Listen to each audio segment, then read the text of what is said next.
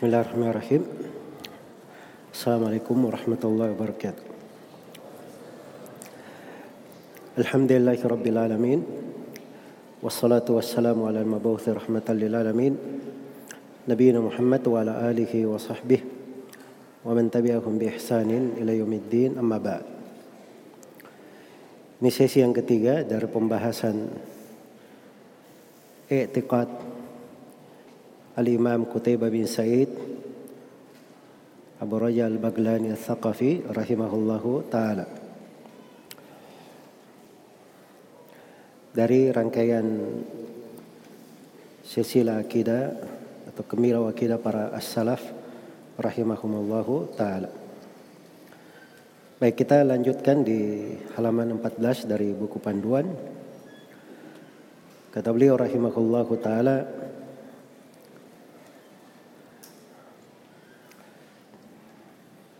Saya beri judul berpegang dengan perintah dan menjauhi larangan. Kata beliau rahimahullahu taala wal akhdhu bima amara Allah azza wa jalla wan nahyu amma nahallahu anhu. Dari prinsip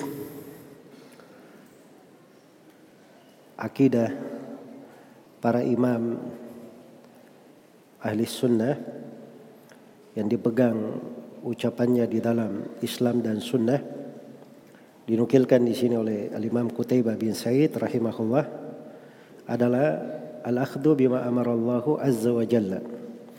Mengambil segala hal yang Allah azza wa jalla perintahkan. Wan nahyu amma naha anhu. Dan mencegah segala sesuatu yang Allah larang Iya. Baik. Ini prinsip dasar ya bahwa bahkan ini salah satu dari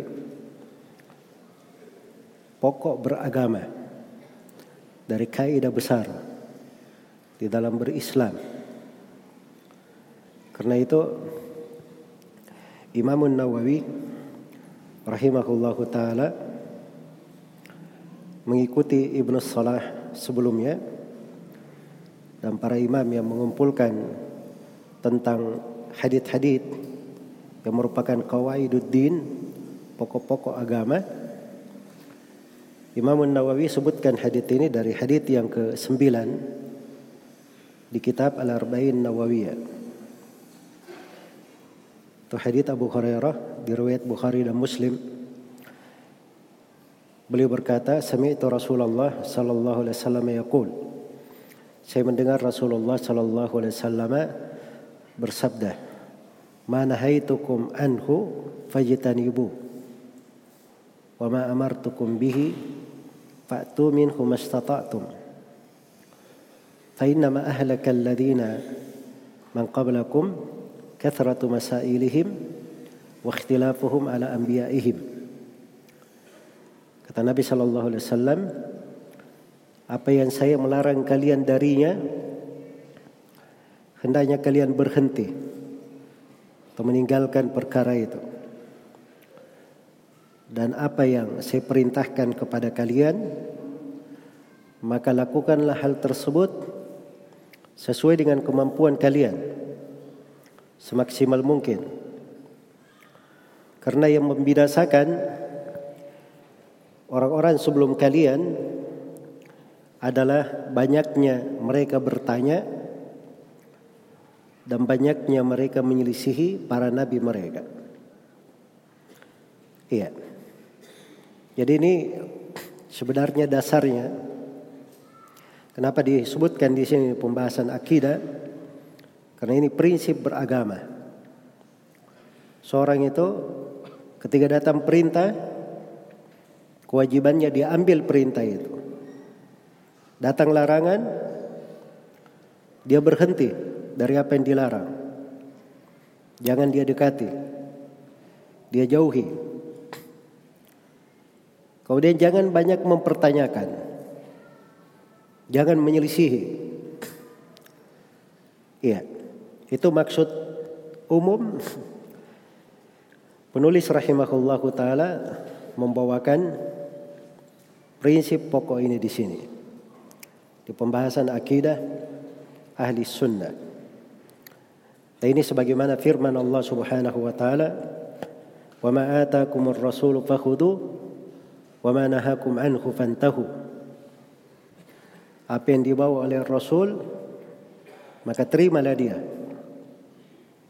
Apa yang dilarang oleh Rasul maka berhentilah kalian darinya. Itu prinsip beragamanya seperti itu. Iya.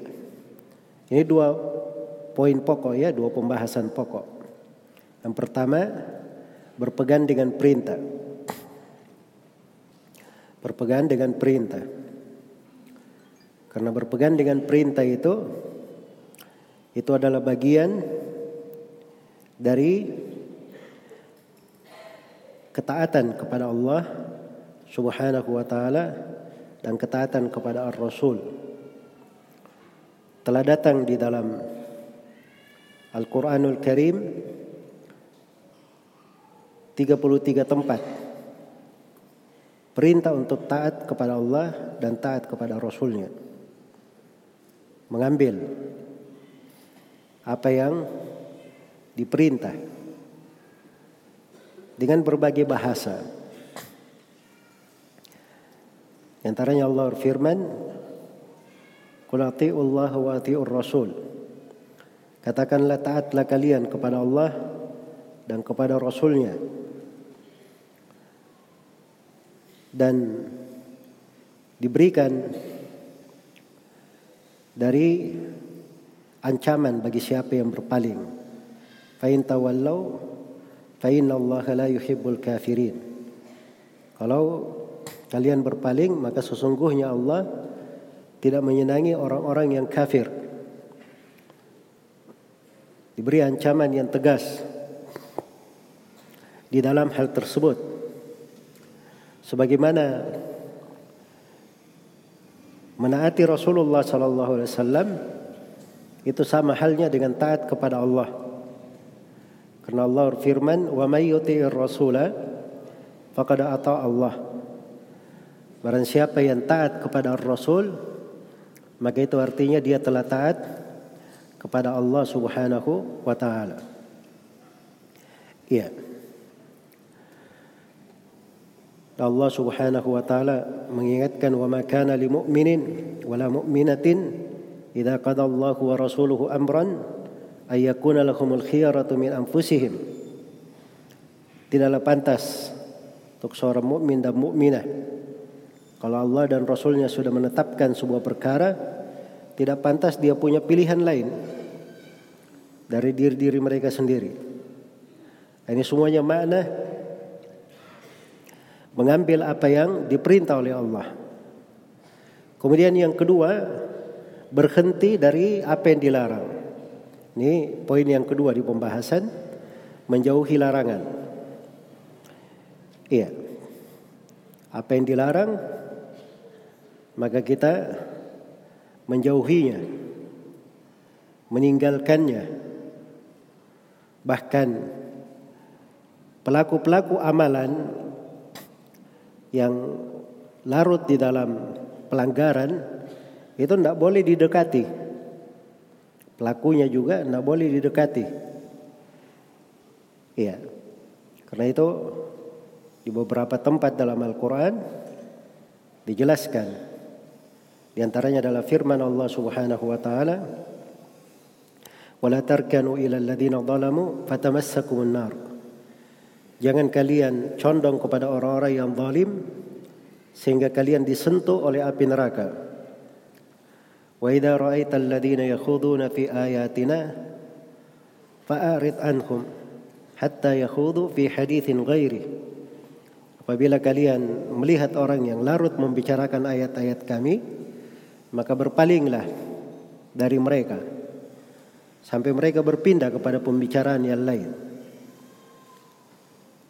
Karena bergaul dengan orang-orang yang biasa jatuh di dalam larangan itu akan menyeret kita juga jatuh ke dalam hal yang dilarang itu. Allah membesarkan ya perkara melanggar ini. Allah berfirman, "Falyahdharil ladzina yukhalifuna an amri an tusibahum fitnah aw yusibahum adzabun alim." Hendaknya berhati-hati orang yang menyelisih perintah Rasulullah sallallahu alaihi wasallam. Dia ditimpa oleh fitnah, dia akan ditimpa oleh fitnah atau ditimpa siksaan yang pedih ditimpa oleh siksaan yang pedih. Dan Allah Subhanahu wa taala mengingatkan, "Fala wa rabbika la yu'minun hatta yuhakkimuka fi ma shajara bainahum, thumma la yajidu fi anfusihim harajan mimma qadait wa yusallimu taslima." Tidak demi Rabbmu demi Muhammad, mereka dianggap belum beriman sampai mereka menjadikan engkau sebagai hakim yang memutuskan pada apa yang mereka berselisih kemudian mereka menerima keputusanmu dengan segala bentuk penerimaan. Nah, itulah sifat seorang mukmin. Mengambil melaksanakan apa yang diperintah meninggalkan apa yang dilarang dan tidak banyak bertanya tidak berdebat tidak mendebat di dalam hal tersebut. Iya. Itu yang disebut di dalam Kelanjutan hadits Abu Hurairah tadi. mana nahaitukum anhu fajtanibu. Kata Nabi sallallahu alaihi wasallam, apa yang saya larang kalian darinya, tinggalkanlah hal tersebut. Wa ma amartukum bihi fa'tu minhu mastata'tum. Dan apa yang saya perintah kalian dengannya, lakukan sesuai dengan kemampuan kalian. Fa inna ma ahlaka man kana qablakum Kathratu masailihim wa ikhtilafuhum ala anbiya'ihim. Sungguhnya yang membinasakan orang-orang sebelum kalian adalah banyaknya mereka bertanya dan banyaknya mereka menyelisihi para nabi. Itu Bani Israel itu disebut dalam Al-Quran ya. Bagaimana tahapan-tahapan mereka mendapatkan kesusahan. Karena terlalu banyak bertanya. Tadinya disuruh menyembeli seekor sapi betina saya. Kan ringan, sapi betina banyak. Tapi tanya, apa itu sapi betinanya? Maka diberi sifat semakin terbatas. Sudah semakin terbatas dia tanya lagi, apa warnanya? Semakin terbatas lagi. Dia tanya lagi, diberi sifat yang paling detailnya. Hampir saja mereka tidak mampu untuk melakukannya. Itu terlalu banyak bertanya namanya. Iya. Dan Syah di berbagai jalur riwayat di Bukhari dan Muslim tentang ayat Ya ayyuhalladzina amanu la tas'alu an asya'a in tubdalakum tasukum. Wahai orang-orang yang beriman, jangan kalian bertanya tentang perkara-perkara kalau tampak jawabannya akan menjadi berat atas kalian, menjelekkan kalian sendiri. Iya. Ada yang datang kepada Nabi ketika Nabi sallallahu alaihi wasallam berkata ayuhan nas qad faradallahu alaikumul hajj fahujju.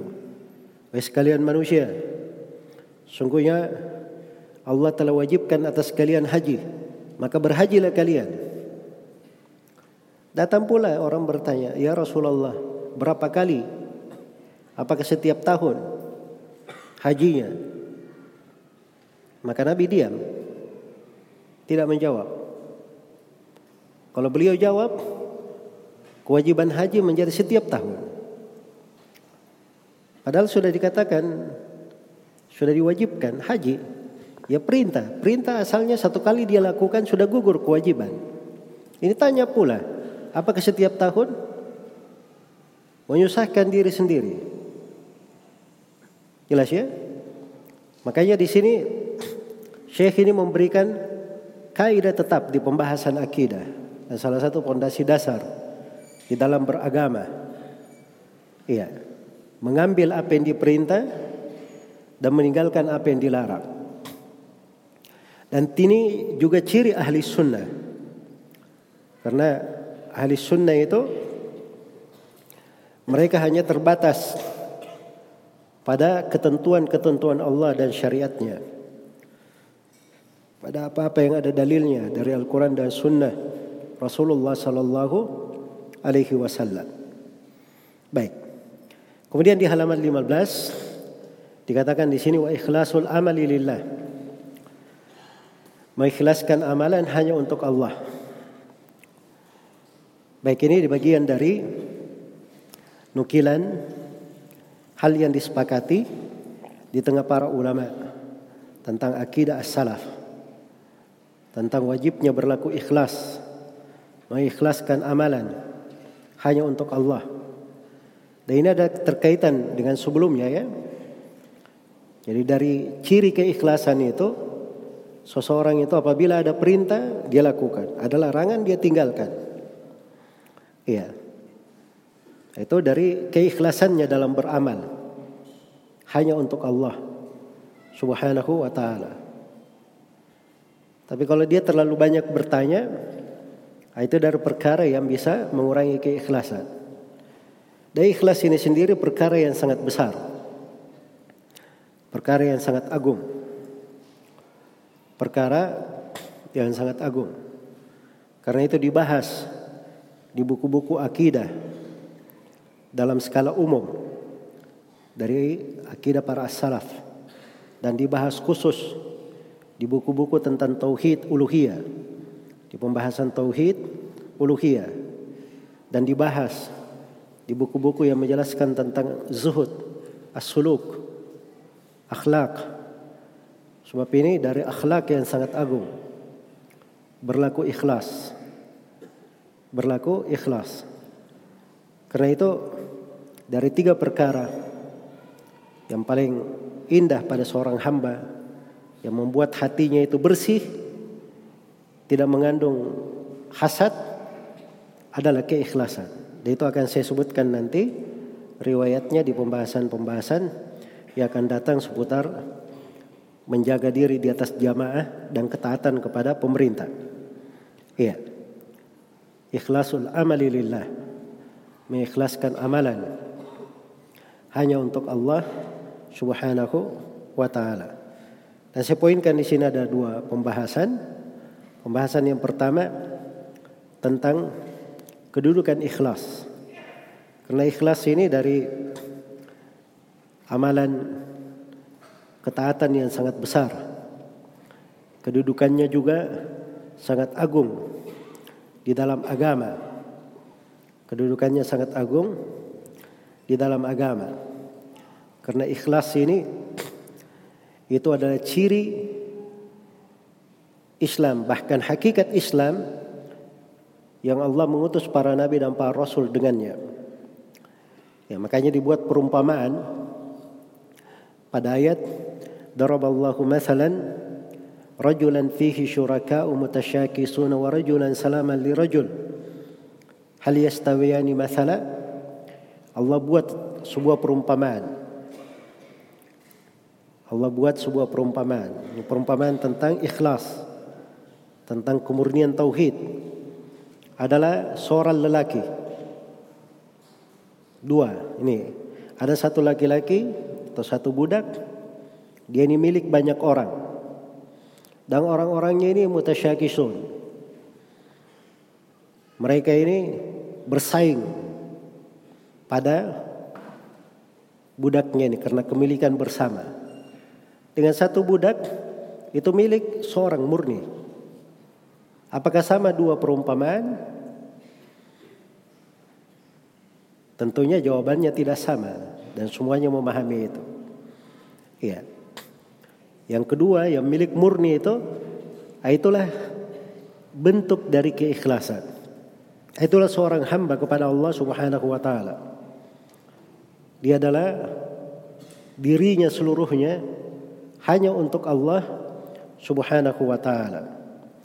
Dan ikhlas ini itu adalah fitrah manusia.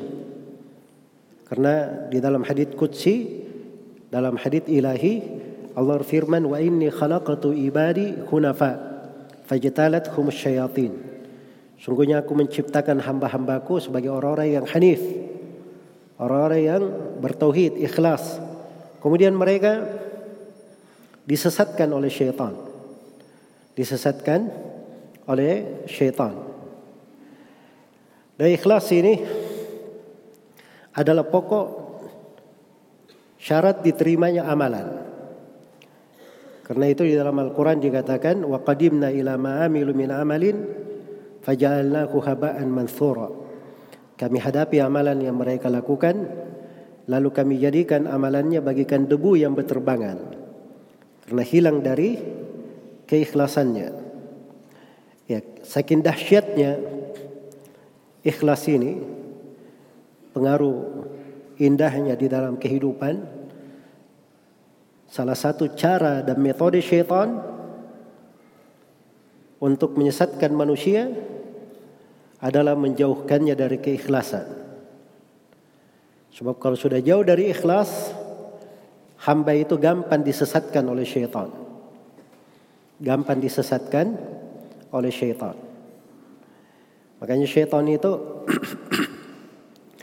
sudah bersumpah akan menyesatkan seluruh dari anak Adam tapi syaitan memperkecualikan illa ibadaka minhumul mukhlasin. Kecuali hamba-hambamu yang ikhlas. Ini tidak bisa disentuh oleh syaitan. Ikhlas ini pula yang menyelamatkan Nabi Yusuf dengan menyelamatkannya dari kekejian dan dosa. Padahal beliau diuji dengan ujian yang besar. Ya. Ujian ini datang dalam bentuk yang sangat memikat dari berbagai sudut. Jadi mungkin ada sudut, sepuluh sudut yang mengajak melakukannya. Tapi bersama dengan itu Nabi Yusuf dihindarkan dari kekejian itu. Sebabnya cuma satu disebut dalam Al-Quran. Kadalika linasrif anhu su'a wal fahsya innahu min ibadina al-mukhlasin. Demikianlah kami palingkan Nabi Yusuf dari kejelekan dan kekejian. Sungguhnya beliau ini dari hamba-hamba kami yang sangat ikhlas. Hamba-hamba yang sangat ikhlas. Ya kalau berbicara tentang kedudukan ikhlas, ini jenjang yang tinggi. Dan amalan itu itu tergantung pada besarnya keikhlasan. Pada besarnya keikhlasan. Iya. Itu pengaruh amalan-amalan hati itu. Iya. Itu datang di berbagai riwayat ya. Mana yang menunjukkan hal itu. Bagaimana orang cuma memberi minum seekor anjing bisa masuk surga. Dia menyingkirkan satu gangguan di jalan. Dia masuk surga. Itu ada pengaruh dari keikhlasan di dalam hatinya. Dan ini jenjang yang sangat tinggi, derajat-derajat di dalamnya. Yang kedua kewajiban mengikhlaskan amalan hanya untuk Allah. Karena amalan itu tidak diterima oleh Allah kecuali dengan ikhlas. Ala lillahi dinul khalis. Ketahuilah bahwa agama yang ikhlas itu hanya milik Allah. Iya. Wa ma umiru illa liya'budullaha mukhlishina lahuddin. Mereka tidak diperintah kecuali kecuali beribadah kepada Allah dengan mengikhlaskan agama hanya untuknya. Dan Rasulullah sallallahu alaihi wasallam bersabda, "Innamal a'malu binniyat wa innamal likulli imri'in ma nawah." Sungguhnya amalan itu syah atau tidaknya, baik atau rusaknya itu bergantung pada niatnya. Dan sesungguhnya seorang itu dapat pahala atau tidak di atas kebaikan atau tidak itu tergantung dengan apa yang dia niatkan. Maka Ikhlas itu adalah kewajiban di dalam beragama dan tidak diterima dari seorang hamba kecuali dengan keikhlasan. Qul innama ana basyarum mithlukum yuha ilayya annama ilahukum ilahu wahid. Faman kana yarju liqa'a rabbih falyamal amalan salihan wa la yusyrik bi ibadati rabbih ahada. Katakanlah Nabi Muhammad saya hanyalah manusia biasa seperti kalian. Tapi diwahyukan kepadaku bahwa ilah yang diibadahi itu adalah ilah yang maha satu. Iya. Maka barang siapa yang menghendaki Allah dan hari akhirat, barang siapa menghendaki perjumpaan dengan Allah, melihat Allah di hari kiamat, maka hendaknya dia beribadah hanya kepada Allah dan jangan sekali-sekali dia berbuat kesyirikan dalam ibadah kepada Allah Subhanahu wa taala. Hendaknya dia beramal dengan amalan salih dan jangan dia berbuat kesyirikan dalam ibadah kepada Allah Subhanahu wa taala.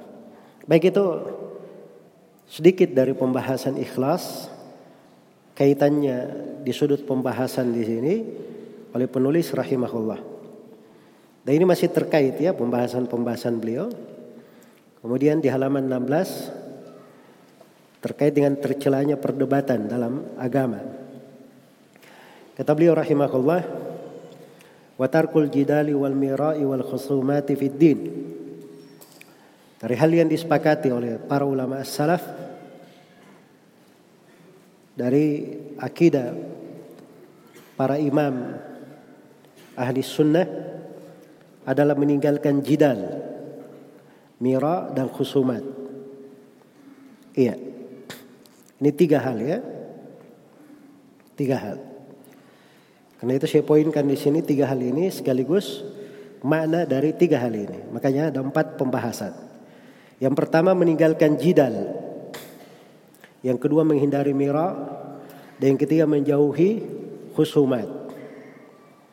Menjauhi khusumat. Ini tiga hal perlu kita definisikan. Pertama apa itu jidal? Iya. Apa maksud dari jidal? Jidal itu secara bahasa Jidal secara bahasa Kadang bermana orang yang sangat keras kepala di dalam berdebat. Iya. Dan kadang jidal bermana melawan hujah dengan hujah. Melawan hujah dengan hujah. Karena itu al-mujadalah itu kadang diartikan bermana munadharah, bermana diskusi dan bisa diartikan bermana mukhasamah.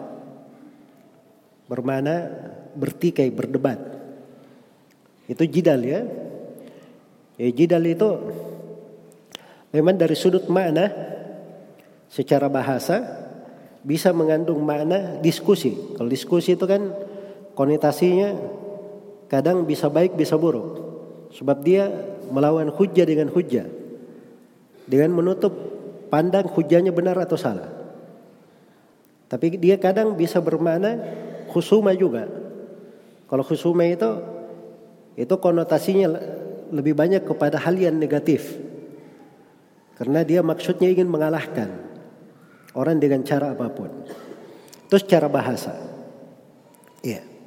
Secara istilah kalau di Mufradat Al-Quran karya Ragib Al-Asbahani beliau bahasakan jidal itu adalah al-mufawadah ala sabilil munaza'ah wal maghalabah al-mufawadah ala sabilil munaza'ah wal maghalabah mufawadah itu artinya saling bertukar ya bergayung sambut sana memberi hujah ini membalas ini berbicara ini menanggapi tapi dalam bentuk munaza'ah dalam bentuk dia berdebat atau ingin mengalahkan. Ingin mengalahkan. Itu yang disebut dengan jidal. Iya. Jadi kalau di atas makna ini memang jidal itu jidal itu ada yang baik, ada yang buruk. Karena itu dalam Al-Quran juga penggunaan bahasa jidal, nah semuanya dengan konotasi yang buruk ya ada konotasi buruknya. Misalnya ma yujadilu fi ayatillahi illa alladziina kafaru. Tidak ada yang jidal pada ayat-ayat Allah kecuali orang-orang kafir saja. Itu jidal pada konotasi yang buruk. Tapi kadang ada jidal dalam Al-Quran dalam konotasi yang baik. Wala tujadilu ahlal kitabi illa billatihi ahsan. Jangan kalian jidal dengan orang-orang ahlul kitab kecuali dengan hal yang baik. Dan Allah Subhanahu wa taala berfirman, "Ud'u ila sabili rabbika bil hikmati wal mau'izatil hasanah wajadilhum billati hi ahsan." Itu pakai kata jidal juga. Ini konotasi yang baik. Karena itu jidal itu dilihat pada maknanya apa. Iya. Kalau jidalnya jidalnya adalah untuk menampakkan kebenaran, untuk menunjukkan kebenaran, maka itu adalah hal yang bagus ya. Jidal kalau dalam bentuk menunjukkan apa? Kebenaran. Ingin menampilkan dari kebenaran. Maka itu mana yang baik. Ya. Karena itu Ibnu Abbas radhiyallahu anhu itu mendebat mendebat orang-orang Khawarij. Itu jidal juga ya bentuk. Tapi dalam komunikasi ingin menampakkan kebenaran. Dan Nabi Shallallahu Alaihi Wasallam juga mendebat orang-orang Nasara dari Najran ketika datang ke kota Medina. Dan beliau juga mendebat banyak hal dari orang-orang Yahudi. Dan di dalam Al-Quran disebutkan para nabi itu bagaimana mendebat kaumnya. Mematahkan hujah-hujah mereka. Ya kalau jidal dalam bentuk yang seperti itu, itu nggak ada masalah. Itu hal yang baik. Tapi kalau jidalnya perdebatan pada hal yang tidak ada manfaatnya, pada perkara yang sudah jelas nas-nasnya, pada menjidal ayat-ayat dan hadith-hadith Rasulullah itulah yang disebut dengan kesesatan. Dan itu yang dicela di sini oleh penulis rahimahullah. Watarkul jidal meninggalkan jidal. Karena itu syah dari Nabi sallallahu alaihi wasallam dalam hadits Abu Umamah Al-Bahili riwayat Imam Ahmad dan selainnya beliau berkata ma dhalla qaumun ba'da hudan kanu alaihi illa utul jadal tidak akan tidaklah tersesat satu kaum setelah tadinya di atas petunjuk kecuali orang yang senang berjidal. Itu biasanya sumber kesesatan seperti itu. Tadi saya sudah terangkan ya, dari sumber kesesatan di pembahasan takdir terlalu banyak mempertanyakan. Nah, itu jidal itu. Bentuk dari jidal. Terlalu banyak mempertanyakan. Itu disebut utul jadal. Kemudian Nabi membaca ayat ma laka illa jadala dari sifat kaum musyrikin itu selalu membuat permisalan-permisalan untuk mendebat. Hanya untuk mendebat saya. Iya. Makanya seperti itu itu masuk di dalam hal yang dicela. Jadi kita sudah pahami di sini tarkul jidal, meninggalkan jidal. Meninggalkan jidal apa makna jidal yang diharamkan? Iya. Baik. Jadi jidalnya kalau terkait dengan ayat Al-Qur'an itu pasti diharamkan. Ma fi ayatillahi illa kafaru. Tidak ada yang berjidal tentang ayat-ayat Allah kecuali orang-orang kafir. Demikian pula kalau jidalnya dengan kebatilan wajadalu bil batili liyudhidu bihil haqqa itu sifatnya orang-orang kafir. Mereka jidal dengan kebatilan ingin meruntuhkan kebenaran. Maka Allah terangkan fa akhadtuhum fa kaifa kana iqab. Aku pun menyiksa mereka. Maka perhatikan bagaimana siksaanku terhadap orang-orang yang sedang berjidal ini.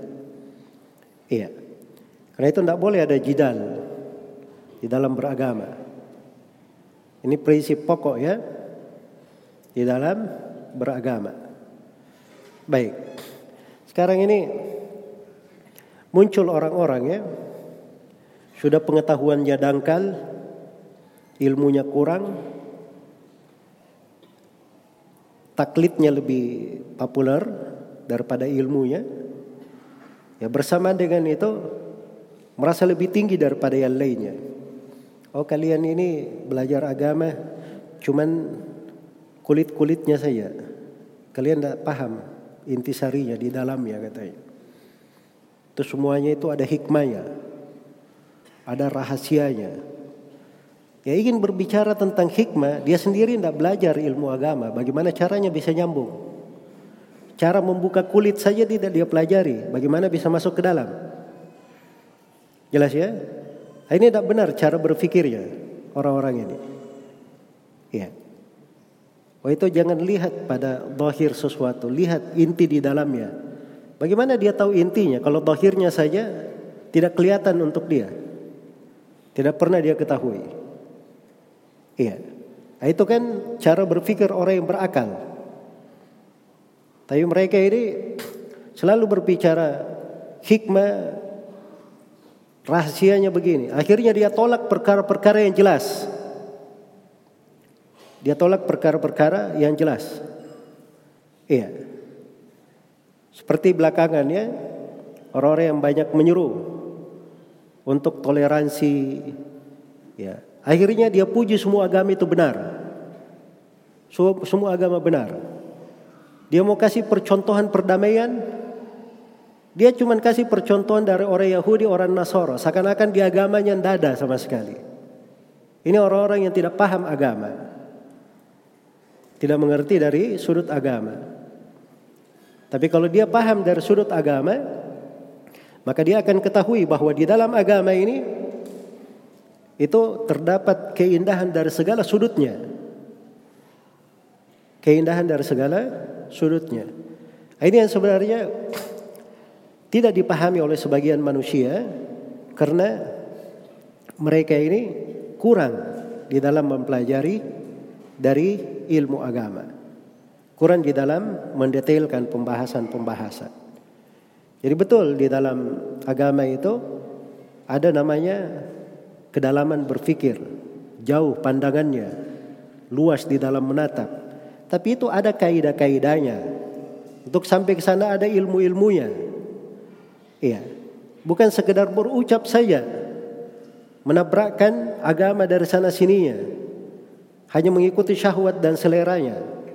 Nah seperti itu orang yang bicara agama dia harus berbicara sesuai dengan ketentuannya dan sesuai dengan jalan yang ditempuh oleh Rasulullah dan para sahabatnya. Karena itu jalannya para salaf itu jalan yang paling lurus sudah teruji dari masa ke masa.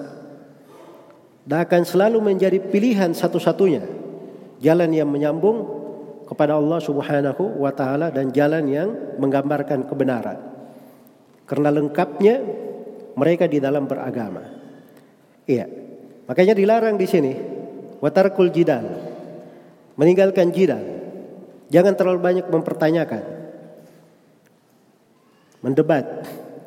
Berikutnya yang kedua wal mira. Menghindari mira. Iya. Menghindari mira Mira itu dari kata al-imtira. Dari kata al-imtira. Artinya ada keraguan, ada sesuatu yang goncang bercampur di situ. Itu yang disebut dengan mira namanya. Baik. Jadi mira itu ada dalam bentuk keraguan, tidak jelas atau menyelisihi yang lain. Menyelisihi yang lain. Tapi mira ini kalau dari sudut istilah dia itu lebih tajam daripada jidal. Ya, karena mira ini dia itu bentuknya adalah mencela ucapan yang lainnya, mendebat tapi mencela ucapan yang lainnya dengan maksud ingin menunjukkan kekurangan-kekurangannya. Itu yang disebut dengan mira. Ya, karena itu bahasa miro ini ini kadang di penggunaannya itu banyak pada konotasi negatifnya. Walaupun sebenarnya tergantung konteksnya ya, sebab ada ayat misalnya di surah Al-Kahfi fala tumari fihim illa mira'an dhahira. Jangan kalian bermira tentang ashabul kahfi itu kecuali kalau miranya tampak Maksudnya debat juga mananya, tapi kalau debatnya jelas, kalian ingin menjelaskan salahnya pendapat orang yang menyelisihi kebenaran, itu enggak ada masalah. Itu boleh. Tapi mira ini ini juga banyak digunakan dalam komunikasi yang buruk. Karena itu Nabi Shallallahu Alaihi Wasallam bersabda, al mirau fillah, al mirau fil Quran kufrun. Ya, berdebat tentang Allah atau tentang Al-Quran itu adalah kekafiran. Itu adalah kekafiran. Baik. Jadi ini penyebutan tentang al-mira. penyebutan tentang al-mira. Dan datang di dalam hadis Nabi Shallallahu Alaihi Wasallam anjuran-anjuran besar ya bagi siapa yang meninggalkan dari al-mira ini. Siapa yang meninggalkan dari al-mira. Ya. Bahkan di dalam hadis itu Nabi Shallallahu Alaihi Wasallam bersabda,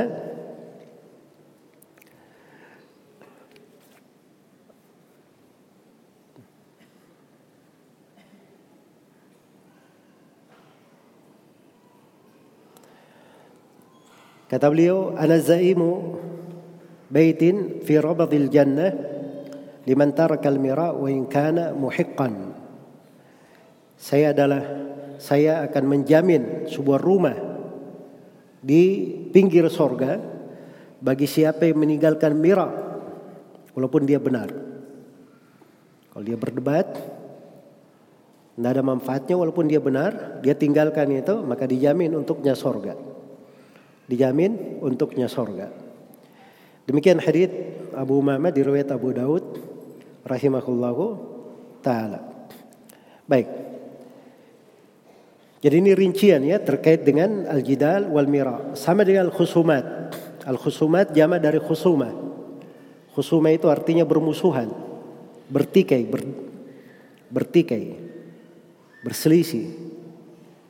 Ya, kalau khusuma itu itu lebih banyak kepada konotasi yang negatifnya kalau khusuma. Lebih banyak kepada konotasi yang negatifnya. Karena itu seorang muslim secara umum harusnya meninggalkan dari hal-hal yang buruk ini. Jidal, mira, dan khusumat. Karena pada hal yang masuk ke dalam tidak ada manfaatnya, berjidal terhadap ayat-ayat Allah, hadis Rasulullah, memperdebatkan hal yang sudah jelas, ini semuanya akan membawa kepada kesesatan waliyadzubillah. Kemudian yang keempat, upaya para as-salaf dalam menjauhkan umat ini dalam hal-hal yang membahayakan agamanya. Ini semua dilarang. Kenapa? Sebab ini hal yang membahayakan agama. Membahayakan agama. Iya. Itu kadang para penuntut ilmu itu dia duduk di majelis guru dia tidak pernah bertanya. Dia cuma duduk menyimak saya. Ada yang dia belum paham, dia berusaha memahami apa yang disampaikan oleh guru. Kalau dia belum begitu jelas, dia sabar sampai guru itu menjelaskan kembali di tempat lain. Sehingga dia bisa memahaminya lebih sempurna. Atau kalau ada yang sudah dia pahami, maka guru menerangkannya di tempat lain, akhirnya dia semakin paham semakin paham. Maka pintu taufik lebih dikuatkan untuknya. Lebih dikuatkan untuknya daripada dia banyak mendebat daripada dia banyak mendebat. Karena itu ada sebagian dari ulama as-salaf rahimakumullahu taala ada dua orang tabiin. Dua-duanya berguru kepada Ibnu Abbas radhiyallahu taala anhu. Tapi yang satunya itu penuh adab kepada Ibnu Abbas. Dan satunya lagi sering dia debat Ibnu Abbas.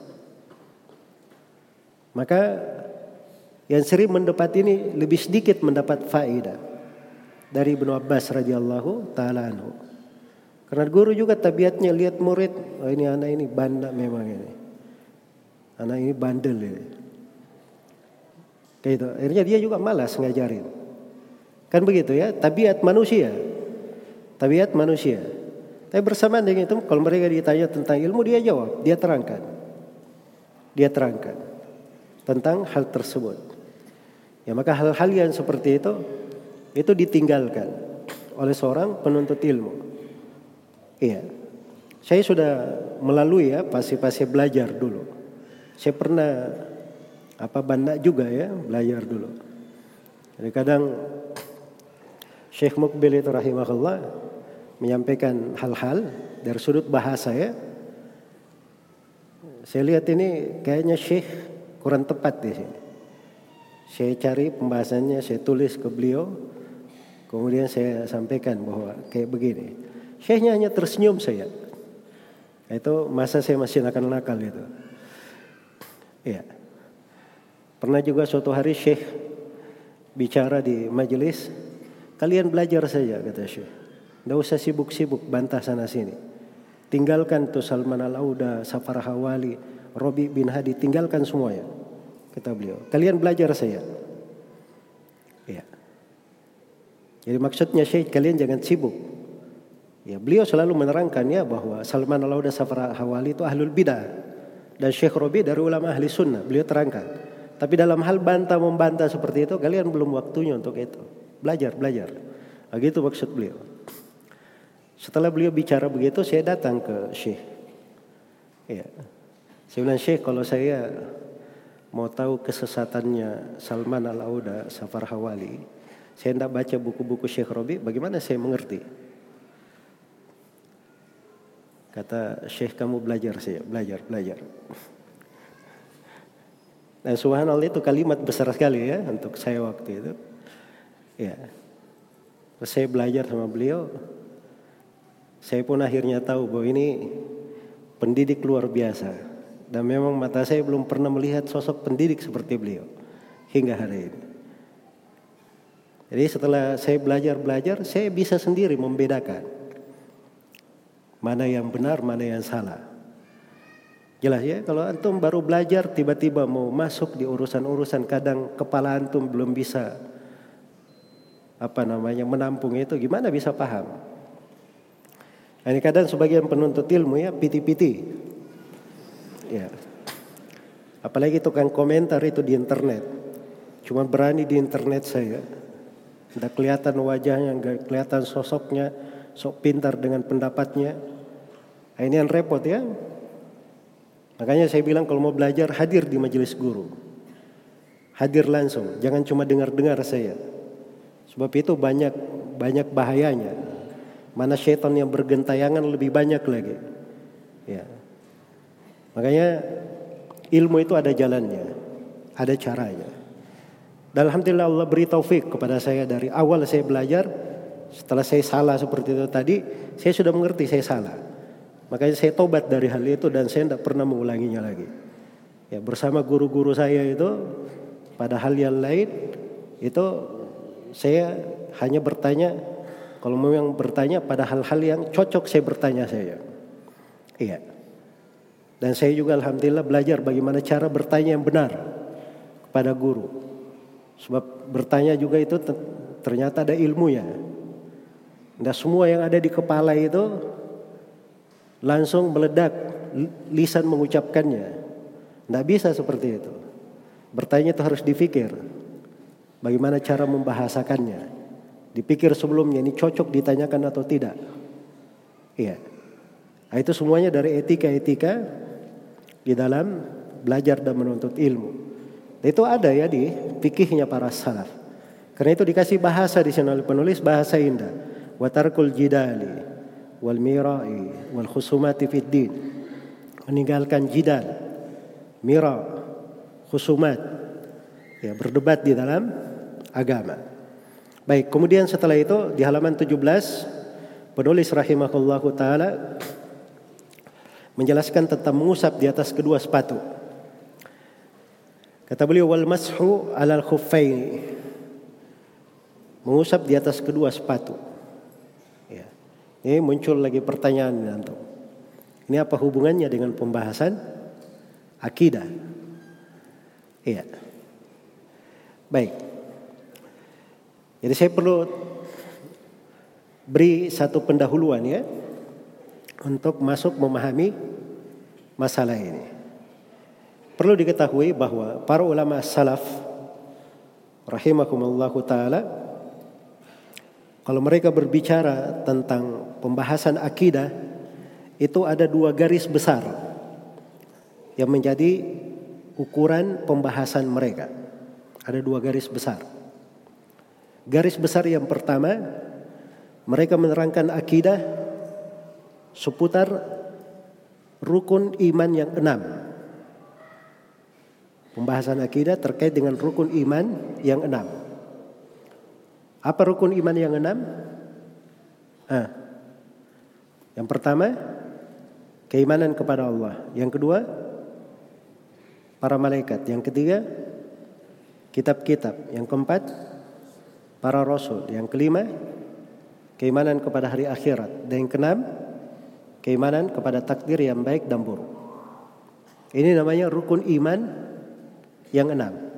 Karena itu ada di buku-buku akidah salaf penjelasan tentang tauhid rububiyah, tauhid uluhiyah, tauhid asma wa sifat. Karena ini terkait dengan keimanan kepada Allah Subhanahu wa taala. Walaupun buku-buku akidah salaf di generasi abad kedua, ketiga dan keempat kebanyakan pembahasannya di tauhid asma wa sifat. Kenapa? Sebab penyimpangan yang terjadi di keimanan kepada Allah yang pertama kali muncul penyimpangan dalam tauhid asma wa sifat. Makanya mereka banyak mengkaji di seputar itu. Nah, di abad kelima, keenam dan seterusnya mulai terjadi penyimpangan-penyimpangan di tauhid uluhiyah. Maka mulailah muncul buku-buku khusus tentang meluruskan penyimpangan di tauhid uluhiyah. Jelas ya? Tapi itu semuanya akidah terkait dengan keimanan kepada Allah. Keimanan kepada para malaikat jelas, kitab-kitab juga jelas. Termasuk di dalamnya pembahasan tentang Al-Qur'an. Iya. Termasuk juga akan datang pembahasan Al-Qur'an itu kalamullah, firman Allah. Ini keimanan kepada Al-Qur'an dari sudut kitab dan juga ada kaitannya dengan pembahasan tentang Allah. Dari sudut Al-Qur'an itu adalah firman Allah, dari sifat Allah Subhanahu wa taala.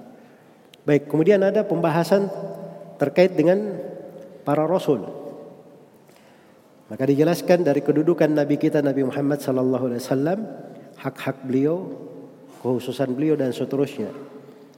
Terus ada pembahasan tentang keimanan kepada hari akhirat.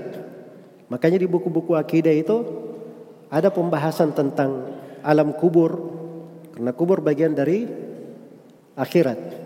Ada pembahasan tentang hari kebangkitan, ada pembahasan tentang pada mahsyar, tentang syafaat, tentang telaga, tentang asirat, tentang timbangan, hisab, ya, sorga dan neraka itu ada pembahasannya.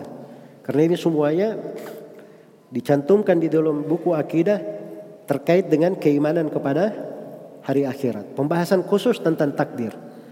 Nah, ini garis pembahasan yang pertama. Para ulama menjelaskan apa? Akidahnya. Jadi ada kaitannya dengan enam rukun iman. Garis besar yang kedua itu ada kaitannya dengan pokok-pokok pembahasan yang merupakan ciri pembeda antara ahli sunnah dan ahlul bidah. Iya. Makanya kalau orang belajar akidah salaf itu itu dari sebab ketegaran di atas sunnah.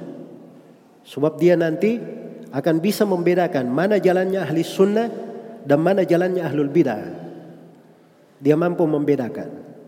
Sebab akidah memang diterangkan oleh para ulama salah satu garis besar pembahasan adalah untuk membedakan mana jalan ahli sunnah dan mana jalannya apa? Ahlul bidah.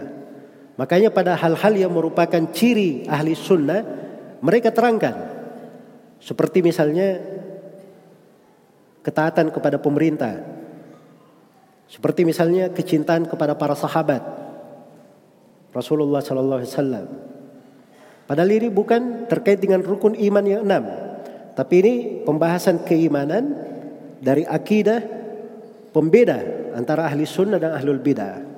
Makanya masuk juga disebutkan sebagian pembahasan fikih Karena di pembahasan fikih itu merupakan ciri pembeda antara ahli sunnah dan ahlul bidah.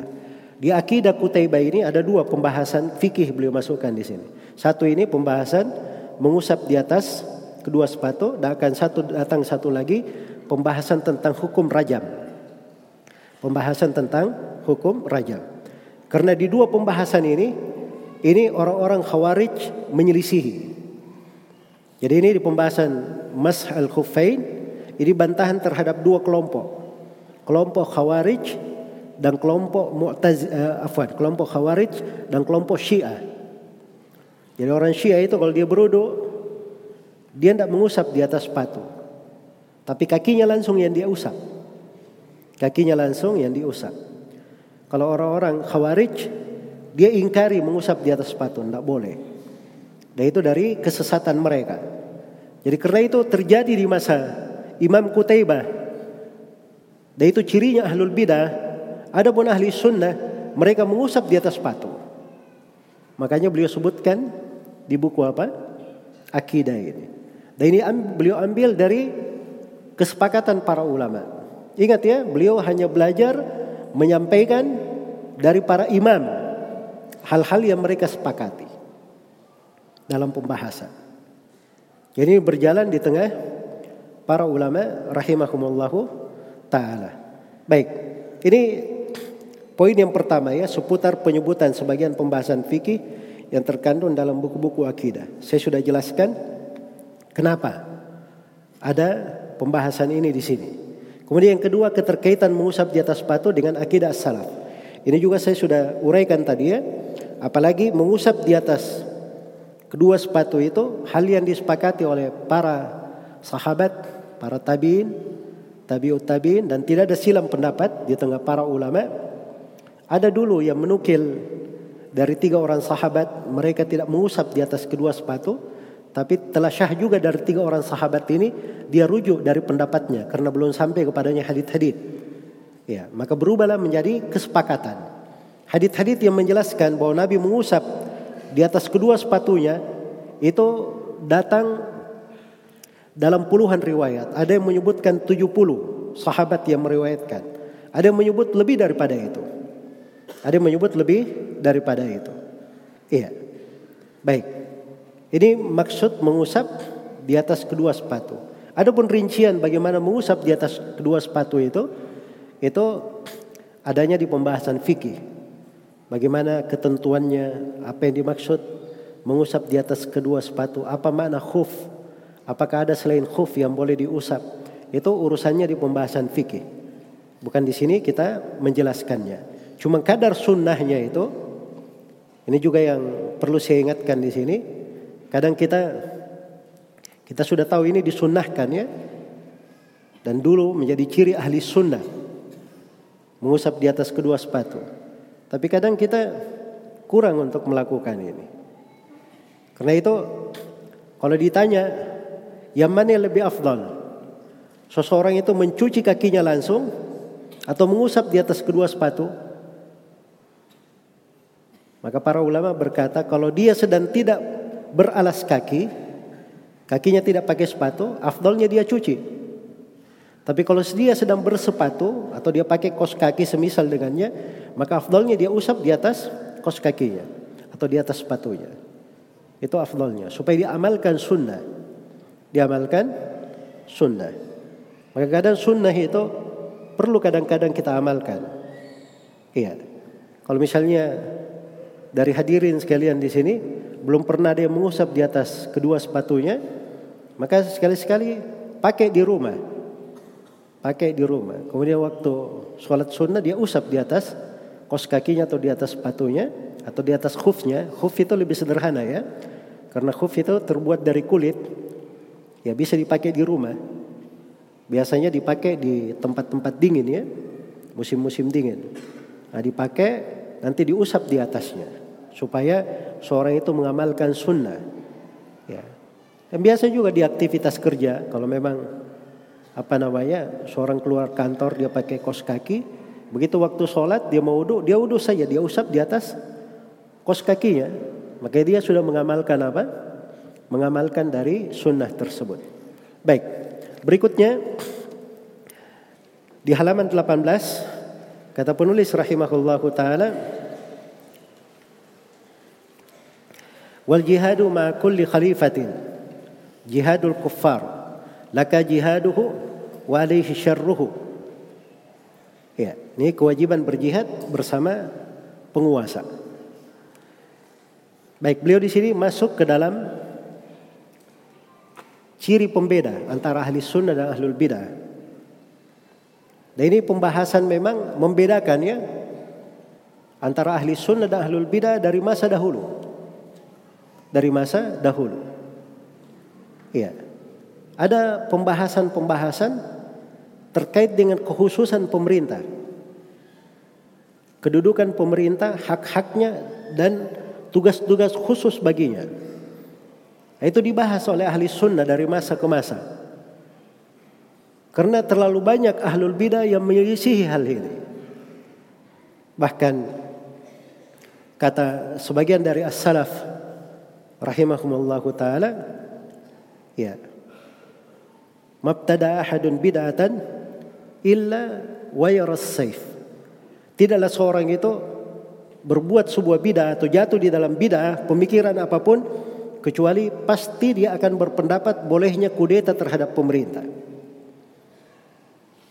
Pasti dia akan berpendapat bolehnya ter kudeta terhadap pemerintah. Itu kelihatannya dari ahlul bidah.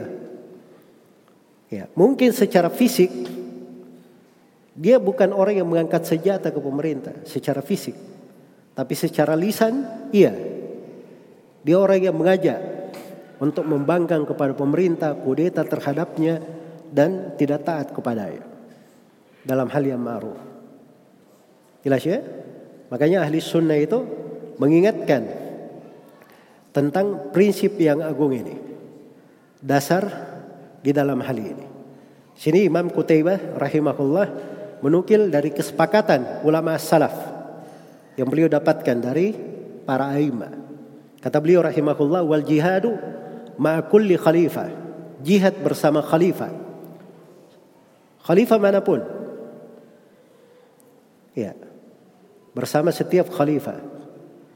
Ini bahasanya ya, perhatikan bahasa khalifah ya. Ini Imam Qutaibah ini wafat pada tahun 240 Hijriah. Beliau itu sudah melewati masa-masa pemerintahan banyak.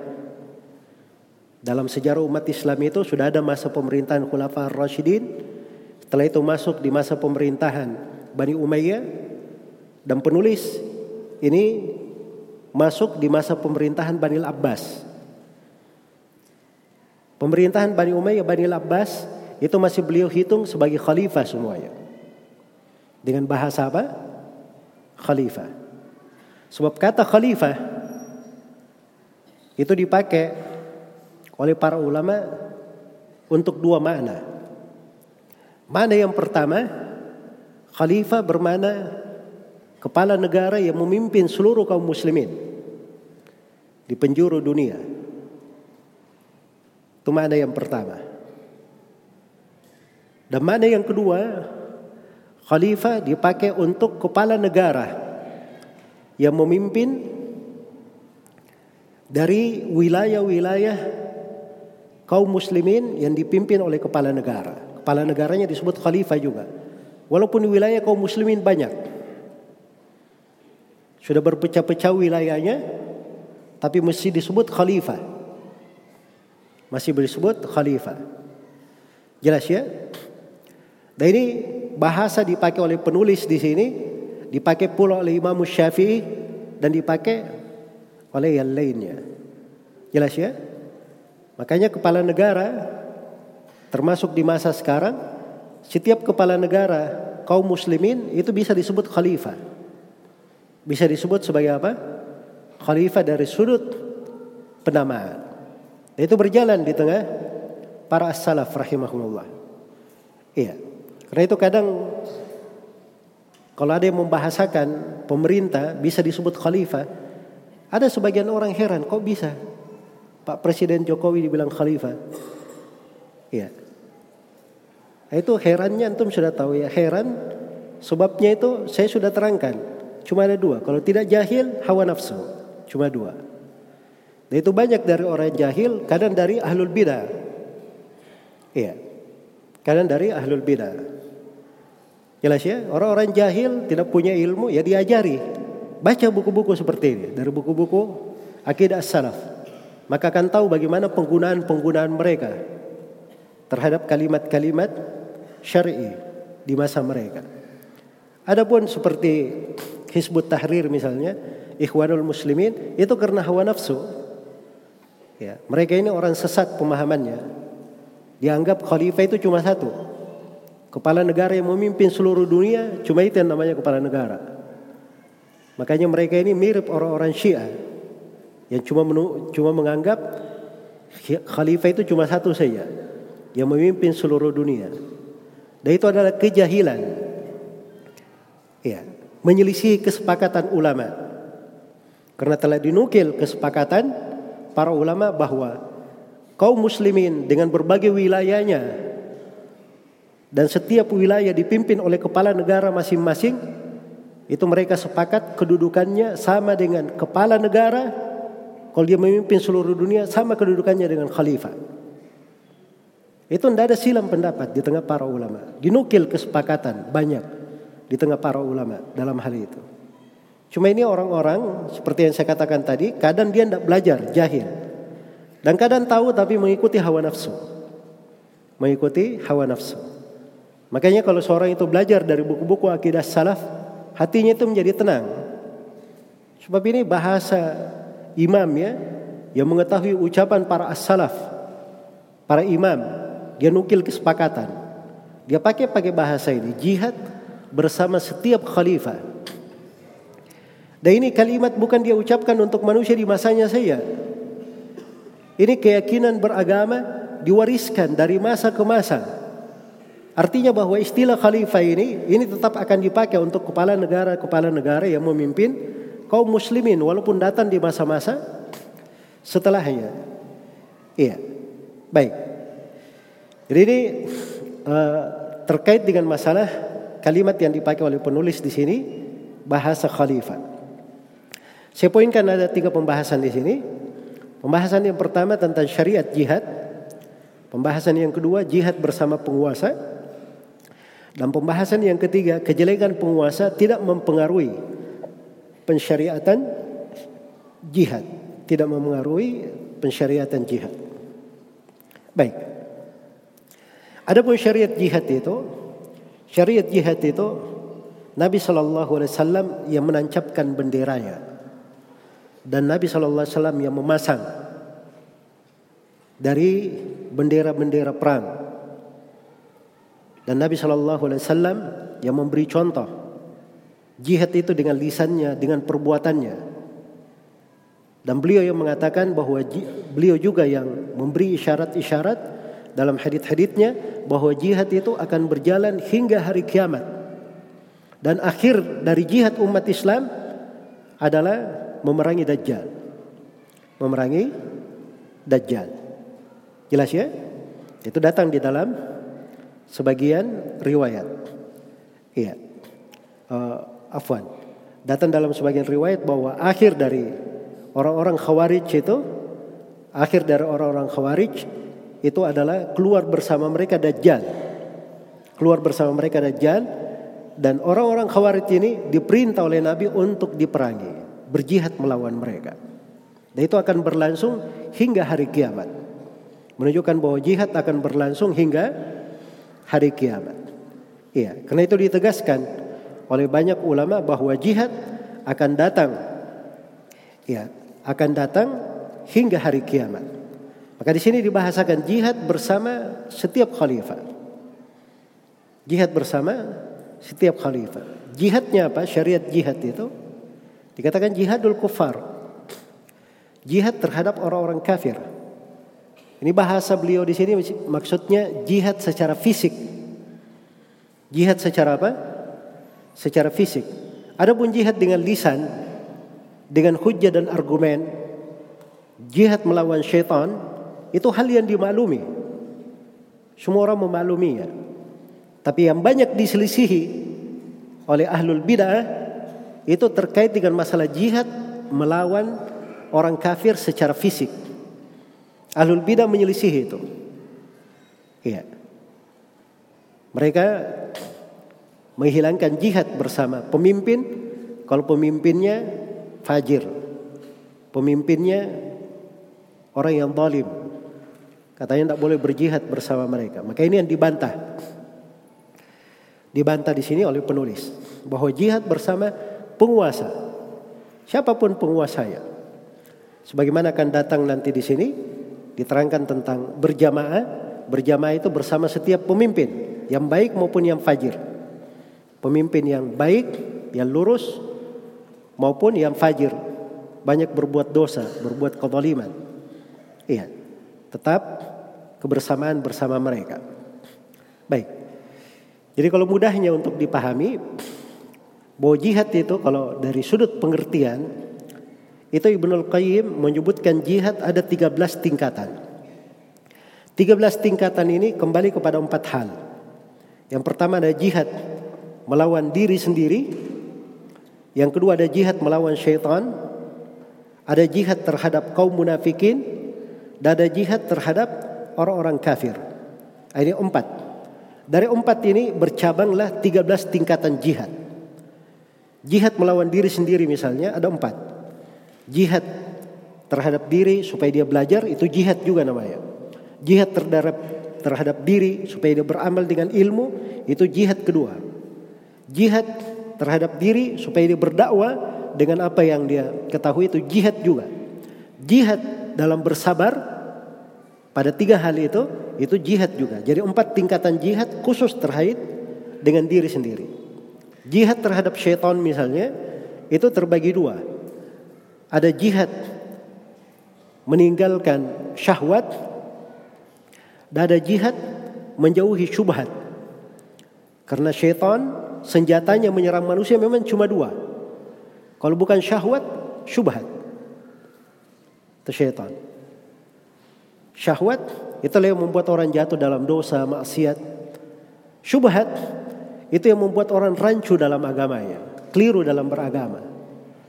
Dan ini senjata syaitan dari arah syubhat ini itu senjata andalannya. Senjata paling topnya. Dan dia paling sukai. Dia paling sukai. Karena orang kalau jatuh dalam maksiat itu gampang. Dia kembali rujuk karena dia tahu dirinya berdosa. Pezina itu tidak ada yang pernah bilang pezina itu dirinya benar. Pezina itu tahu dirinya berdosa. Tapi kalau pelaku bid'ah iya, Semuanya merasa dirinya benar. Makanya sulit bertobatnya. Makanya syaitan lebih senang. Pelaku bidah daripada apa? Pelaku maksiat. Bidah lebih berbahaya daripada maksiat.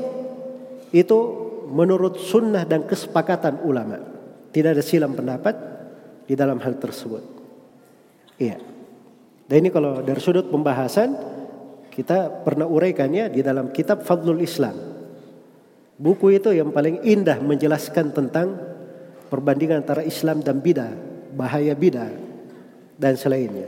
Walaupun insya Allah taala nanti saya akan terangkan beberapa pembahasan seputar bidah di waktu-waktu atau di materi yang akan datang. Kita ada tiga buku di sini ya, tiga akidah. Baik. Jadi maksudnya di sini bahwa jihad melawan syaitan ada dari arah melawan dia supaya kita jauh dari mengikuti syahwat dan ada melawan syaitan supaya kita jauh dari syubhat.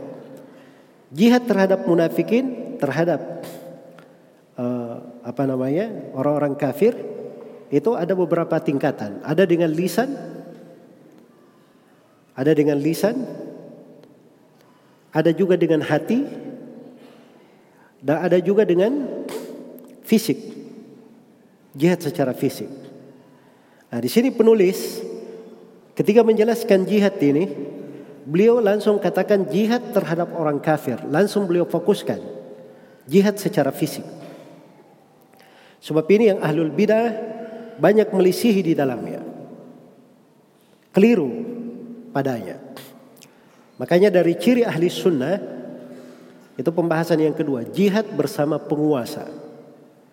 Dari ciri ahli sunnah, mereka tidak melakukan jihad apa pun kecuali dengan dipimpin oleh kepala negara. Dan ini tidak ada silam pendapat di tengah ahli sunnah. Apakah pemimpinnya pemimpin yang salih atau sebaliknya pemimpin yang talih? Pemimpin yang baik atau pemimpin yang fajir? Pemimpin yang adil atau pemimpin yang zalim? Sepanjang dia pemimpin, dia mengajak jihad melawan orang kafir, maka kita disyariatkan jihad bersama pemimpin. Syariatkan jihad bersama pemimpin. Dan itu masuk di dalam keumuman ayat-ayat untuk mendengar dan taat kepada pemerintah dan masuk di dalam keumuman hadith-hadith yang menjelaskan mendengar dan taat kepada pemerintah dan secara khusus datang di dalam hadith Rasulullah wasallam penegasan tentang hal tersebut. Di antaranya diriwayatkan oleh Imam Al-Bukhari dan Imam Muslim dari Abu Hurairah radhiyallahu taala anhu. Rasulullah sallallahu alaihi wasallam bersabda, "Innamal imamu junnah yuqatalu min waraihi." Sesungguhnya seorang imam, seorang kepala negara itu adalah junnah. Dia adalah perisai, tameng. Harus dilakukan peperangan di belakangnya. Tunas tegas dari Nabi sallallahu alaihi wasallam. Tidak boleh ada perang kecuali di bawah di belakang kepala negara. Dan di dalam hadis Ibnu Abbas riwayat Bukhari dan Muslim Rasulullah sallallahu alaihi wasallam bersabda, "Wa idastumfirtum fanfiru." Kalau kalian dipanggil oleh kepala negara untuk berperang, maka ikutlah berperang. Apabila ada panggilan dari kepala negara. Jelas ya? Maka dari sini tampak bahwa jihad yang disyariatkan itu harus dipimpin oleh kepala negara. Jihad melawan orang-orang kafir. Karena itu keliru yang mengajak jihad-jihad tanpa izin dari kepala negara atau tanpa dipimpin oleh kepala negara atau tanpa diwakilkan oleh kepala negara. Dan itu tidak berjalan di sirahnya Nabi Shallallahu Alaihi Wasallam dan para sahabat. Karena itu di Mekah itu terjadi berbagai kezaliman. Tidak pernah ada ceritanya itu Abu Bakar atau Umar. Ya, ayo kita berjihad menghadapi orang kafir, diajak sahabat yang lain. Tidak ada. Sebab mereka harus minta izin kepada Nabi Shallallahu Alaihi Wasallam. Dan Nabi itu tidak diperintah berjihad di fase Mekah, bahkan dilarang. Alam tara ila alladziina qila lahum kuffu aydiyakum wa aqimus salat wa atuz zakah. Tidakkah engkau melihat orang yang dulunya di Mekah diperintah kepada mereka tahan tangan-tangan kalian. Jangan berjihad dengan tangan. Tapi tegakkan sholat, keluarkan zakat. Jelas ya? Bahkan Ketika di perjanjian Hudaybiyah ini sudah fase Mekah ini. Sudah ada syariat jihad. Iya. Jumlah para sahabat 1300-an orang lebih. Dihadang oleh kaum musyrikin belasan ribu orang. Tidak boleh masuk Mekah. Maka Nabi pun menandatangani perjanjian Hudaybiyah. Di antara butir kesepakatannya gencatan senjata selama 10 tahun. Terus Nabi dan para sahabat belum boleh masuk Mekah tahun ini, tahun depan. Baru boleh mereka haji. Terus kalau ada dari umat Islam di Mekah masuk Islam, lari ke Medina, maka wajib diserahkan ke Mekah. Itu diterima semua oleh Nabi. Butir kesepakatan itu.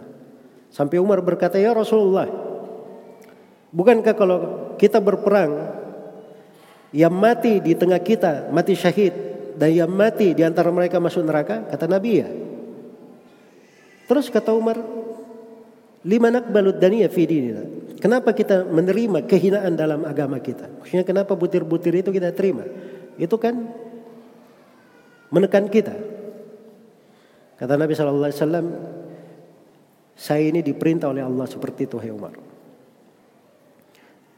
Tidak puas Umar Datang dia ke Abu Bakar Siddiq radhiyallahu taala anhu. Abu Bakar Siddiq berkata, "Wahai Umar, dia itu nabi Allah. Demikian dia diperintah. Itu hebatnya Abu Bakar ya, selalu lebih tinggi di atas Umar di banyak keadaan. Iya. Maka Umar pun setelah itu selalu berpesan setelah kejadian itu dan menyesalinya tentang jangan kalian bersandar pada pendapat kalian. Curigai pendapat kalian. Nah, beliau selalu kisahkan bagaimana salahnya beliau dulu. Dan setelah Hudaybiyah itu turun ayat Inna fatahna laka fatham mubina. Sungguhnya kami telah membukakan untuk kamu kemenangan yang sangat terang. Itu dihitung kemenangan malah. Dihitung kemenangan. Nah, di situ ada fikih politik kenegaraan namanya. Sebab perbuatan kepala negara itu kadang rakyatnya itu memahami, oh ini kepala negara ini kok berbuat gini, buat gini. Dia kadang nggak tahu ceritanya. Jelas ya, sama dengan pendapat Umar waktu itu. Tapi Nabi Shallallahu Alaihi Wasallam menganggapnya itu adalah hal yang terbaik untuk umat Islam. Bahkan Allah memerintahnya dengan hal itu. Bahkan turun ayat menyebut itu kemenangan yang jelas. Ya, sebab dari mengalah sedikit itu akan menyebabkan umat Islam menang. Ya, lebih besar lagi. Itu politik kenegaraan namanya. Makanya ini banyak dari dai-dai ini tidak tahu diri. Selalu saja mau masuk urusan-urusan politik, tidak tahu politik dalam sudut agama, dia tidak tahu pula realnya di tengah para peminta apa yang terjadi. Dia tidak punya teorinya secara ilmu bagaimana politik syari itu, dan dia tidak punya juga kenyataannya di tengah pemerintahan apa yang tidak terjadi. Setelah itu, masya Allah jago sekali komentar. Itu letak kesalahan. Makanya tidak ada itu orang-orang yang berilmu itu masuk di dalam urusan-urusan politik kenegaraan. Sebab dia tahu bahwa itu ada wewenang tertentu. Iya. Dia punya ilmu pun dia tahu tentang politik syar'i, dia dalami semua buku-bukunya. Kalau dia tidak dilibatkan oleh pemerintah di dalam perkara itu, maka dia tidak halal untuk berbicara dalam hal itu. Itu dari konsekuensi ilmunya di dalam hal tersebut. Jelas ya? Maka ini urusan-urusan yang seperti ini ini akan kuat seorang itu kalau dia baca akidah para as-salaf. Ini akidah ini teruji ya dari masa ke masa. Sebab orang yang berpegang dengan akidah salaf ini itu berlalu berbagai kisru, golakan, ya, peperangan terkait dengan politik, kenegaraan. Tapi para ulama salaf akidahnya sama saja. Tidak ada yang berubah. Tidak ada yang berubah. Jihad bersama pemerintah. Dia akan datang al-jamaah, kesatuan bersama pemerintah. Akan datang nanti Imamul Bukhari sebutkan masalah mendoakan pemerintah. Didoakan kebaikan. Tidak ada dirinci oleh Al-Bukhari. Oh itu kalau pemerintahnya tidak zalim. Tidak ada juga rincian. Oh itu kalau pemerintahnya zalim terbagi dua. Ada pemerintah besar, pemerintah kecil. Dari mana dia dapat seperti itu? Bikin akidah dari kantongnya sendiri. Nah, itu pentingnya seorang belajar dari akidah salaf. Supaya jangan jatuh di dalam musibah-musibah ucapan seperti itu. Iya. Jadi ini penting ya seorang mempelajari dari akidah ahli sunnah itu akan meneguhkannya di atas sunnah. Dan seorang teguh di atas sunnah itu kebaikannya besar sekali kebaikannya besar. Sebab itu artinya dia ikuti jalannya Nabi Sallallahu Alaihi Wasallam. Dia ikuti jalannya para sahabat. Dia ikuti jalannya para imam. Dia ikuti jalannya para imam. Dan siapa yang selalu mengikuti jalan Nabi, jalan para sahabat, para imam, itu pasti akan dikumpulkan bersama mereka di sorga. Sebab itu bukti kecintaan. Kecintaan itu dengan mengikuti jalan, bukan sekedar ucapan saja. Qul in kuntum tuhibbunallaha fattabi'uni. Kalau memang kalian cinta kepada Allah, ikuti saya, kata Nabi Muhammad wasallam. Jelas ya? Nah, kalau seorang sudah benar mengikuti Nabi, sudah benar cintanya, maka Nabi telah berkata, "Al-mar'u ma man ahabba." Seorang itu akan dikumpulkan bersama siapa yang dia cintai. Bersama siapa yang dia cintai. Makanya dari keindahan seorang belajar akidah salaf itu, dia itu selalu bersama hidupnya itu selalu bersama Nabi, bersama para sahabat, bersama seluruh para ulama ahli sunnah. dalam kebersamaan, kecintaan kepada mereka. Supaya terjaga hati itu. Akan lewat nanti pembahasan para sahabat, cinta kepada para sahabat Nabi. Selalu mencintainya. Dia baca buku-buku akidah, selalu terperbaharui. Kalau di masa sekarang selalu diupdate ya. Ya. Kayak program saya diupdate. Tapi itu dia refresh, selalu dia perbaharui cintanya kepada para sahabat. Dihitung bagaimana kecintanya kepada para sahabat. Nah, itu hal-hal yang seperti itu itu yang menyebabkan seorang itu dikumpulkan bersama Nabi dan para sahabatnya di sorga Allah Subhanahu wa taala. Maka keteguhan berpegang dengan sunnah itu besar sekali artinya. Besar sekali maknanya. Jadi jihad itu disyariatkannya bersama dengan penguasa, bersama dengan pemerintah. Tidak boleh ada yang menyuruh jihad, jihad Terus dia suruh dirinya sendiri. Iya. Seperti entom lihat ya, macam-macam orang belakangan ini ya. Cuman arah pemikiran itu gampang. Iya. Nah itu saya pernah buat ceramah ya. Perbedaan antara dai sunnah dan dai bidah. Ya, ada 10 poin saya sebutkan. Salah satu poinnya di pembahasan jihad. Di pembahasan jihad. Sebab ini ciri yang membedakan antara ahli sunnah dan ahli bidah. Sederhana di situ. Ada yang kadang sederhana begini. Ada kejadian terjadi menimpa umat Islam di luar negeri. Iya. Terus dia ajak manusia untuk pergi berjihad ke sana. Itu kan halus ini saudara kita terdolimi harus kita berjihad. Ya, paling tidak kita berjihad bantu mereka dengan donasi, tapi bahasanya jihad. Ingat ya, ini prinsip ahli sunnah. Jihad itu harus dengan dipimpin oleh kepala negara. Dipimpin oleh kepala negara. Ya kalau ingin mengajak jihad ke tempat-tempat yang umat Islam terdolimi, seperti yang di belakangan ini populer ya, ke Palestina misalnya, itu orang Indonesia hanya disyariatkan berjihad, berangkat ke sana sebagai jihad, kalau diizinkan oleh kepala negara. Memang presiden yang mengizinkan, membentuknya. Nah, itu baru jihad namanya. Kalau tidak, maka itu tidak disebut jihad. Ya, jihad itu ada fikihnya.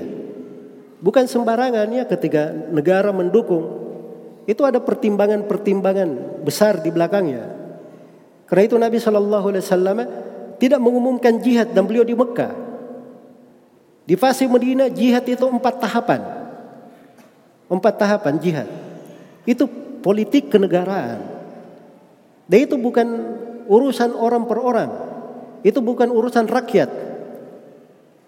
Kalau dia masuk dalam ilmu itu bukan urusan alim ulama secara khusus.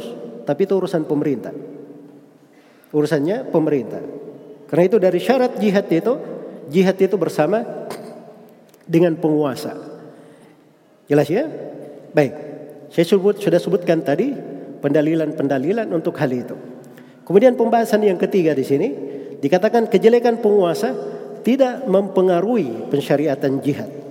Jadi kalau ada penguasa yang zalim, penguasa yang fajir, penguasa yang semena-mena, tapi dia mengajak untuk berjihad. Dan jihad itu benar secara syar'i. Benar secara syar'i. Dia mengajak maka kita disyariatkan ikut berjihad bersamanya. Laka jihaduhu walaihi syarruhu. Kata para imam yang dinukil oleh Imam Kutaibah di sini, untuk engkau pahala jihadnya sedangkan kejelekannya terhadap dirinya sendiri. Kejelekannya terhadap dirinya sendiri. Ya. Itulah keindahan di dalam beragama pada hal-hal yang merupakan kebersamaan. Baik. Setelah itu penulis rahimahullah taala berpindah menjelaskan tentang kewajiban berjamaah. Di halaman 19 dari buku panduan kata beliau wal jama'atu ma kulli barrin wa fajirin.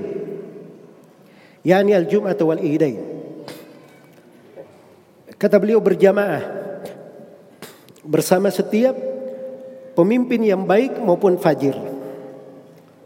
Bersama setiap pemimpin yang baik maupun yang fajir. Yaitu sholat Jumat dan dua id. Sholat Jumat dan dua id. Saya poinkan di sini ada tiga pembahasan. Pembahasan yang pertama makna al-jamaah. Jadi penulis di sini memasukkan makna jamaah mencakup dua makna. Jamaah dengan dua makna. Mana yang pertama adalah makna umum. Iya. Makna umum. Jamaah bermana di mana umumnya itu untuk jamaah itu ada dua maknanya. Mana yang pertama dia bersama dengan kebenaran. Bersama dengan kebenaran.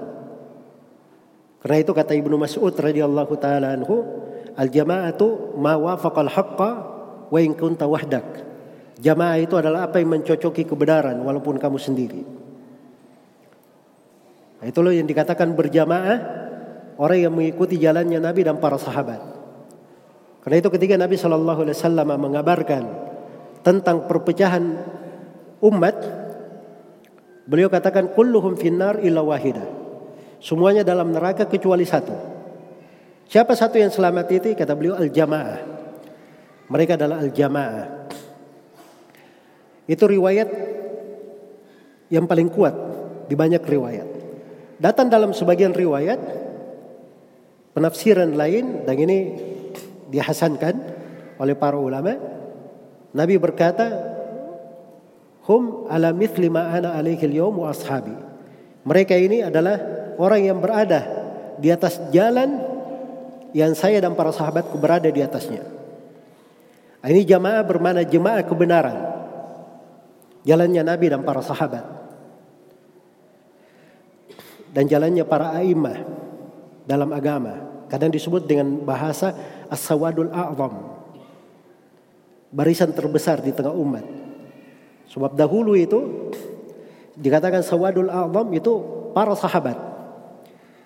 Ya kalau misalnya ada bikin bid'ah baru, nah itu dikatakan ini menyelisih sawadul a'zam, menyelisih para sahabat umat Islam. Baik, jemaah yang mana jemaah yang kedua di mana umumnya Jemaah bermana umat Islam dipimpin oleh kepala negara. Umat Islam dipimpin oleh kepala negara. Iya. Umat Islam dipimpin oleh kepala negara. Ini datang dalam penafsiran Ibnu Jarir dan selainnya. Dan ini yang masuk di dalam banyak riwayat dari Nabi Shallallahu Alaihi Wasallam seputar makna jamaah. Makanya ketika Hudzaifah bin Yaman mendengar dari Nabi perpecahan-perpecahan dan fitnah-fitnah yang terjadi di tengah umat, maka Hudzaifah bertanya, "Ya Rasulullah, pama ta'muruni in adrakani dalik?" Apa yang engkau perintah kepadaku? Kalau saya didapati oleh hal tersebut. Kata beliau, "Talzam jama'at al-muslimin wa imamahum." Kata beliau, kamu berkomitmen kepada jemaah kaum muslimin dan imam mereka, maksudnya kepala negara. Jemaah kaum muslimin artinya umat Islam dipimpin oleh kepala negara. Iya. Maka itu yang datang di dalam banyak riwayat. Seperti riwayat yang mengancam. Wa man faraqal jama'ata qida shibrin mata mata mitatan jahiliyah. Siapa yang berpisah dari jamaah walaupun sejengkal kemudian dia mati maka matinya dalam mati jahiliyah.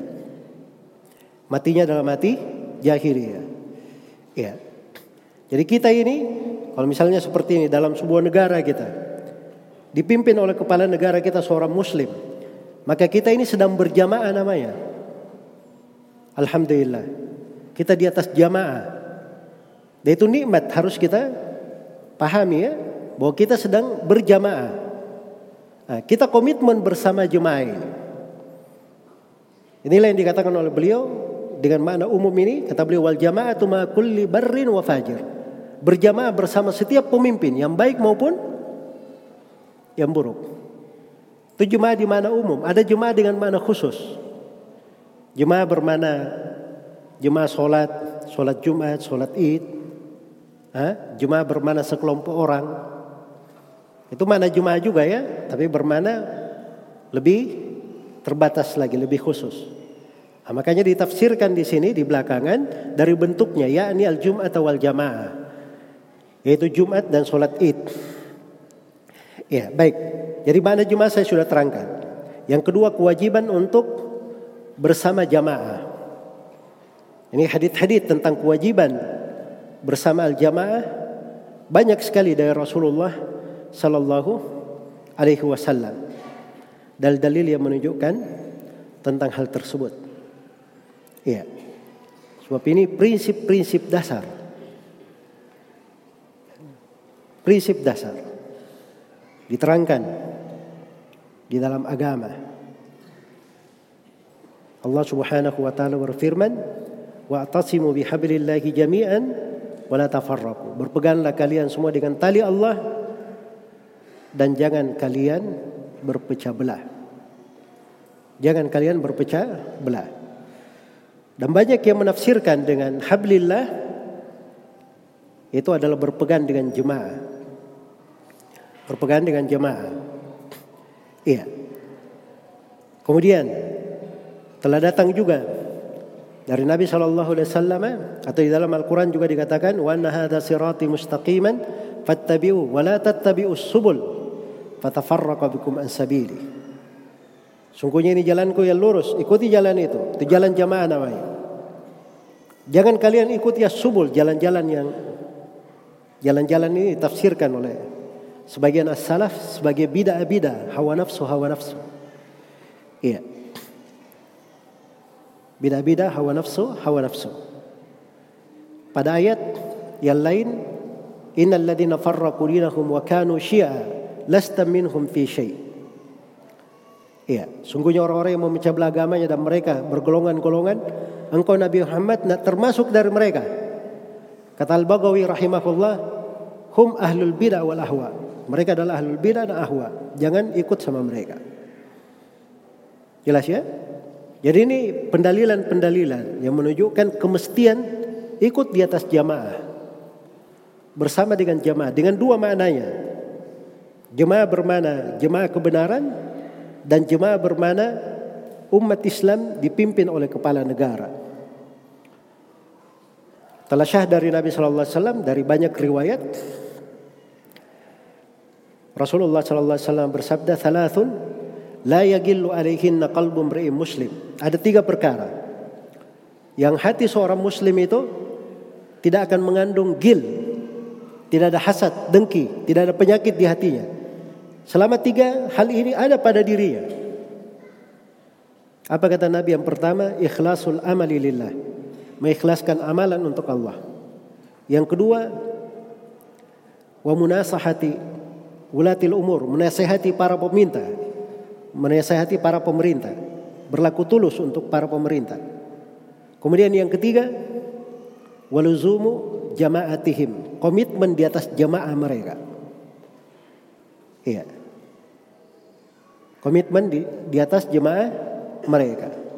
Ini tiga hal yang dikatakan hati itu akan bersatu di atasnya, bersih, tidak ada kedengkian. Tidak ada kedengkian. Jelas ya?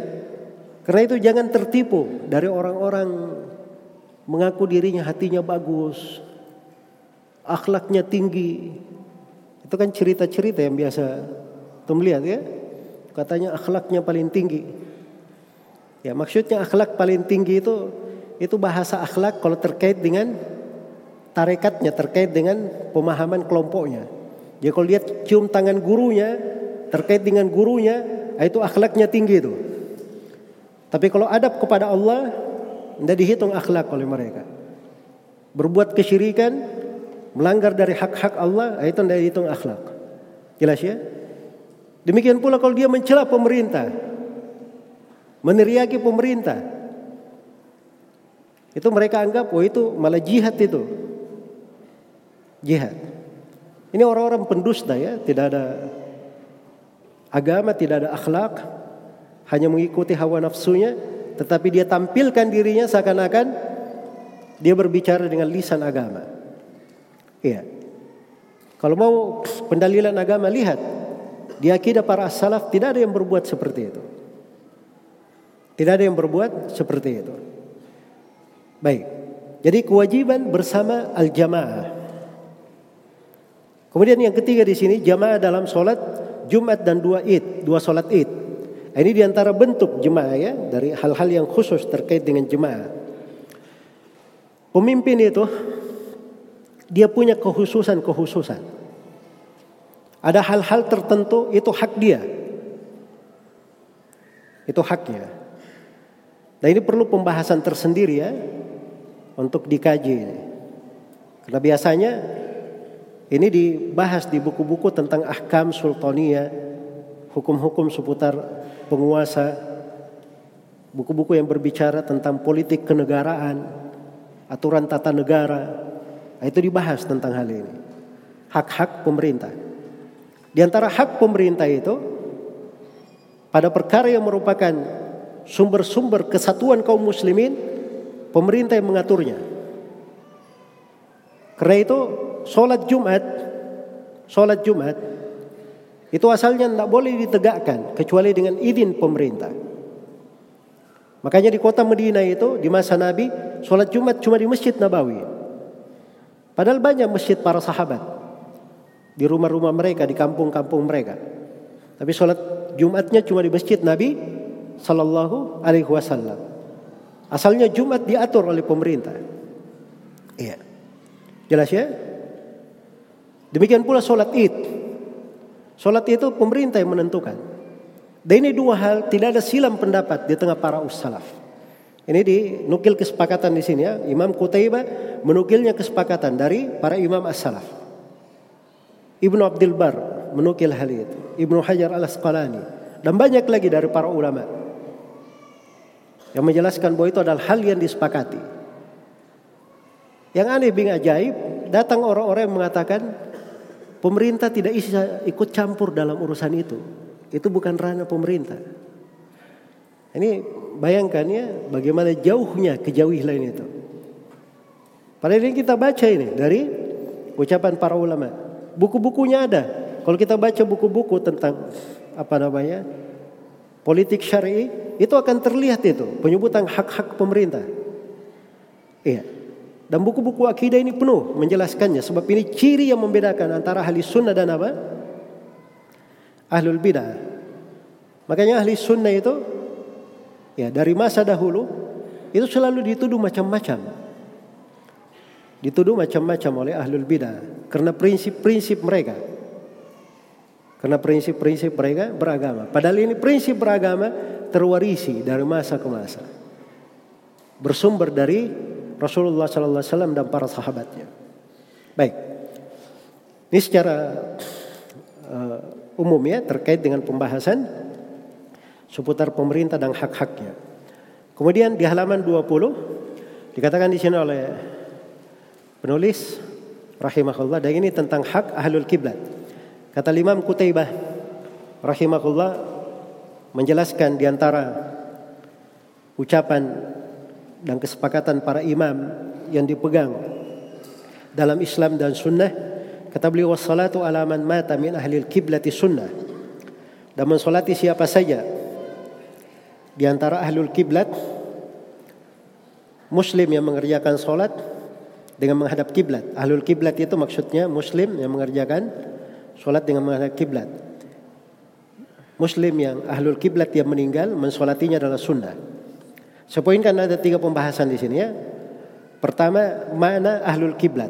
Ahlul kiblat itu itu adalah seorang muslim yang sholat menghadap kiblat. Makanya dikatakan ahlul kiblat. Dikatakan ahlul kiblat. Iya. Karena Nabi Shallallahu Alaihi Wasallam telah menjelaskan memberikan hak untuk ahlul kiblat. Kata beliau di dalam Haditnya diriwayatkan oleh Al-Imam Al-Bukhari rahimahullahu taala, "Man shalla salatana" ya. "Wastaqbala kiblatana." Jadi kata beliau, ini hadits Anas bin Malik ya di riwayat Al-Bukhari. Kata beliau, "Man shalla salatana." Siapa yang salat salat kami, wastaqbala kiblatana dan menghadap ke kiblat kami wa akala dabihatana dan dia memakan dari sembelihan kami. Padahal muslimu alladzi lahu dhimmatullahi wa dhimmatu rasulih. Maka dia adalah seorang muslim yang memiliki hak dari jaminan Allah dan Rasulnya. Ya. Fala tukhfi fala tukhfirullaha fi dhimmatihi. Maka jangan kalian meremehkan Allah pada dhimmahnya. Ini seorang muslim ini kalau dia solat dengan solat kita umat Islam, dia solat menghadap kiblat, dia makan dari sembelihannya umat Islam, itu muslim. Punya perlindungan dari Allah dan Rasulnya. Haram darahnya, hartanya, kehormatannya. Jelas ya? Maka itu makna dari ucapan penulis. Kalau dia meninggal, ahlul kiblat ini, di antara haknya adalah disolati. Itu di antara hak-haknya. Maka pembahasan yang kedua, hak-hak ahlul kiblat. Dia punya dhimma, punya hak sebagai seorang muslim. Terhormat darahnya, hartanya, kehormatannya. Iya. Kalau dia meninggal, disolati, dikuburkan di pekuburan kaum muslimin. Dia punya hak di Baitul Mal. Pada hal yang merupakan kemaslahatan umum. Dibagi untuk rakyat dia juga punya hak di situ. Nah, itu di antara hak-hak ahlul kiblat. Kemudian yang ketiga mensolati ahlul kiblat. Mensolatinya adalah sunnah. Ini bahasa sunnah saya akan terangkan ya. Jadi kalau dia meninggal sebagai seorang muslim disolati. Disolati. Dan ini dibahas oleh penulis di sini. Ini bantahan terhadap orang-orang khawarid dan mu'tazilah. Sebab orang-orang khawarid dan mu'tazilah ini mereka menganggap kalau ada pelaku dosa besar itu tidak disolati. Kalau orang khawarid mengatakan hukumnya kafir di dunia, masuk neraka di akhirat. Kalau orang Mu'tazilah mengatakan di dunia bukan kafir, bukan muslim. Tapi di akhirat dia kekal di dalam neraka. Ya arahnya sama dua orang ini, dua kelompok ini. Ya, maka penulis menjelaskan bahwa seorang muslim sepanjang dia dari ahlul kiblat kalau dia meninggal maka disolati. Dan itu sunnah. Sunnah itu artinya apa? Dia bagian dari agama. Bagian dari agama. Bagian dari Islam. Bagian dari kemurnian Islam. Bukan bid'ah. Bukan bid'ah. Karena sunnah itu punya dua makna ya. Kita sudah singgung di awal. Bahwa makna yang pertama sunnah itu bermakna Islam itu sendiri. Bermakna Islam itu sendiri. Prinsip-prinsip pokok yang dipegang. Sunnah.